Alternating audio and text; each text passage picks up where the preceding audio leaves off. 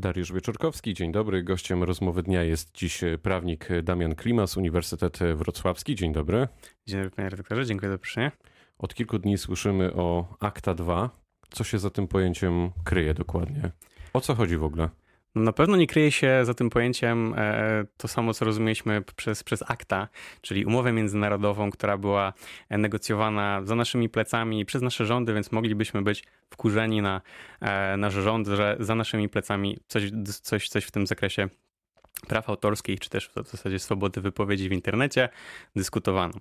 E, akta 2, jak, jak, jak tutaj w skrócie mówimy o dyrektywie w sprawie praw autorskich na jednolitym rynku cyfrowym, Rozumiem, dlaczego jest mowa o Akta 2.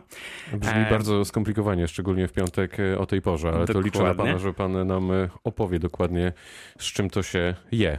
Postaram się. Tutaj jest mowa o dyrektywie Unii Europejskiej, czyli o akcie prawnym, który jest negocjowany w ramach, w ramach prac Komisji Europejskiej, e, Parlamentu Europejskiego e, i Rady. E, no i różnica jest przede wszystkim taka, że to będzie legislacja obowiązująca w Unii Europejskiej. To jest pierwsza różnica, od, która nas, nas, nas od akta oddziela. Druga, ona dotyczy stricte prawa autorskiego, bo akta ta pierwotna dotyczyła w dużej mierze wymiany towarów, usług. To była umowa handlowa. Tutaj jest mowa już zdecydowanie o regulacji dyrektywy, czyli czegoś, co w, za parę lat powinno mieć odzwierciedlenie w jakiejś ustawie, czyli w, w akcie prawa krajowego. Czyli innymi słowy, za mniej więcej dwa lata teoretycznie, a może i nawet y, praktycznie, już y, ten dokument y, wpłynie na nasze życie. I na jakiej płaszczyźnie ten dokument może wpłynąć na nasze życie?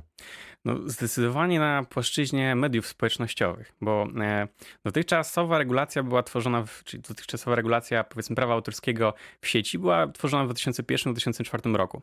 E, pierwsza dyrektywa o e, społeczeństwie informacyjnym z 2001, druga z 2004 o handlu elektronicznym, które teraz wpływają na nas. I tam są założone pewne wyłączenia z, z zakresu prawa autorskiego, które ułatwiają obecną działalność portali społecznościowych i dużych portali E, medialnych, czyli na przykład YouTube'a, Facebooka. E, no i jakby w czym jest problem? W tym problem, że w 2004 roku internet wyglądał zupełnie inaczej. Minęło 15 lat. E, w 2004 z tego co kojarzę nie było YouTube'a. O Google na pewno nie, nie słyszeli wszyscy, bo były też inne wyszukiwarki, była jakaś konkurencja na tym rynku.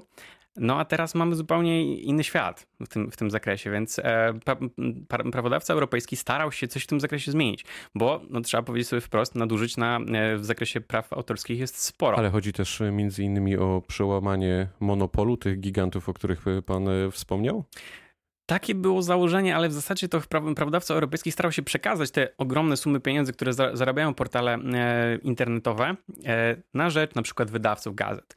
No i tu mamy podatek od linków, czyli artykuł 11 tej dyrektywy, czyli Akta 2, e, który, który w założeniu ma przekazywać wpływy z reklam na przykład Facebooka na rzecz, na rzecz wydawców gazet. To podejdźmy tak do tego praktycznie. Jesteśmy użytkownikami na przykład Google'a, Facebooka, serwisu wykop.pl, który jest bardzo popularny i słynie z tego w Polsce, że linkuje do innych e, mhm. portali.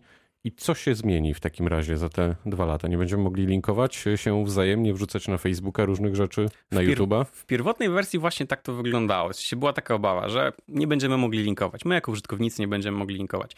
No ale na szczęście e, działalnością wielu e, świadomych europosłów udało się przewalczyć, jak oczywiście aktywistów, udało się przewalczyć wyłączenie linkowania, e, wprost w dyrektywie jest napisane, że nie dotyczy to sytuacji linkowania, czyli e, samo podlinkowanie treści, e, czyli też taka prosta informacja prasowa, będzie wyłączona spod regulacji dyrektywy.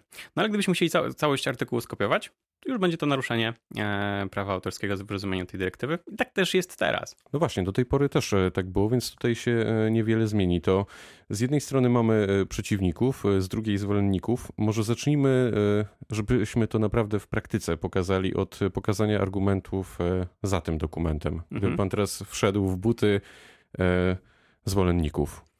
Zwolenników. Przyznam szczerze, że tak, ja plusów zbyt wielu niestety nie widzę, bo e, o ile idea za tym aktem e, płynąca była słuszna, właściwa, czyli przekazanie tych e, wielkich sum, dużych, du, dużych sum pieniędzy, wpływów z reklam, z dużych serwisów, tak na przykład YouTube'a, Parlament Europejski chciał mniej więcej, że tak w uproszczeniu, żeby, żeby to wyglądało w taki sposób, żeby wpływy Google'a były przekazywane autorom proporcjonalnie do tego, co robi Spotify, czyli Spotify też zarabia na utworach, przekazując jakąś tam część wynagrodzenia, które uzyskuje od użytkowników na rzecz autorów. No brzmi to wszystko dość sensownie, no ale że tak powiem, wydaje mi się, że niestety wylano dziecko z kąpielą, bo za daleko poszła ta regulacja. Dlaczego? Dlatego, że mm, mimo tego, że w dyrektywie nie pojawia się słowo filtrowanie, to e, wprost e, wprost dąży do tego, do tego, dyrektywa, żeby filtrować treści, które będą wrzucane przez użytkowników e, na portale typu YouTube w albo sposób? Facebook. W taki, że każda treść, którą będzie pan chciał zamieścić w przyszłości na, na pańskim na przykład, nie wiem, YouTubie albo, albo Facebooku, będzie musiała być przeanalizowana przez taki algorytm, który będzie wyłapywał, czy te treści są e, chronione przez prawa autorskie, czy nie.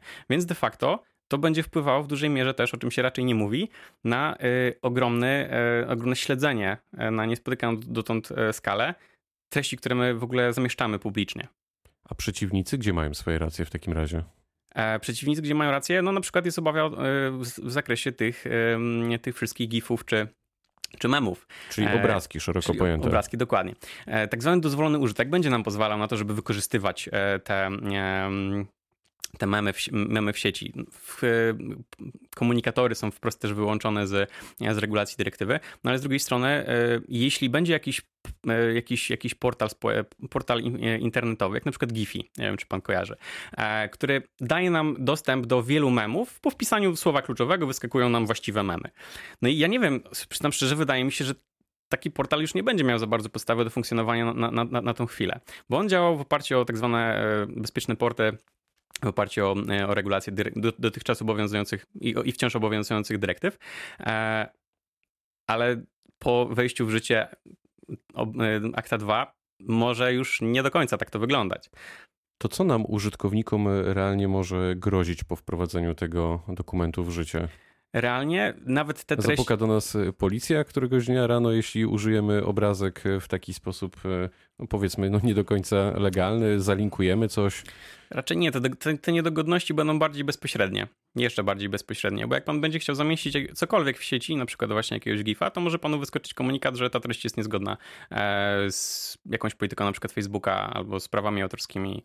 E, czyli te wszystkie teksty, które się obecnie pojawiają, że coś jest niezgodne z akta 2, więc się nie pojawiło, więc, więc tego nie widać. E, czyli taka w sumie mm, aktywność cenzury no, może to troszeczkę w ten sposób wyglądać. No właśnie, to czy możemy zryzykować e, stwierdzenie, że Akta 2 to jest e, próba cenzury w internecie? Ocenzurowania internetu? To jest za dużo powiedziane, bo na pewno nie to, nie, nie to jest, e, nie to było celem prawodawcy europejskiego, no ale celem, znaczy obecna treść dyrektywy wskazuje, że każdy te, tego typu portal duży, który działa dłużej niż 3 lata i ma jakieś tam obroty, będzie musiał takie filtrowanie zastosować.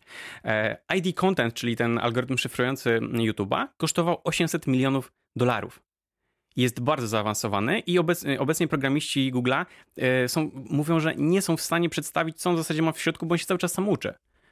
I teraz pytanie, czy takie portale jak nasze, nie wiem, na przykład CDA albo e, mniejsze portale, które nie mają takich pieniędzy na tego typu zaawansowaną technologię, będą w stanie e, wprowadzić tego typu algorytmy. A jeśli, e, jeśli wprowadzą jakiekolwiek, oczywiście sporo tańsze, to czy to będzie wystarczające dla, e, dla prawodawców? A jeśli nie wprowadzą? To będą ponosili odpowiedzialność za wszelkie naruszenia e, prawa autorskich w sieci.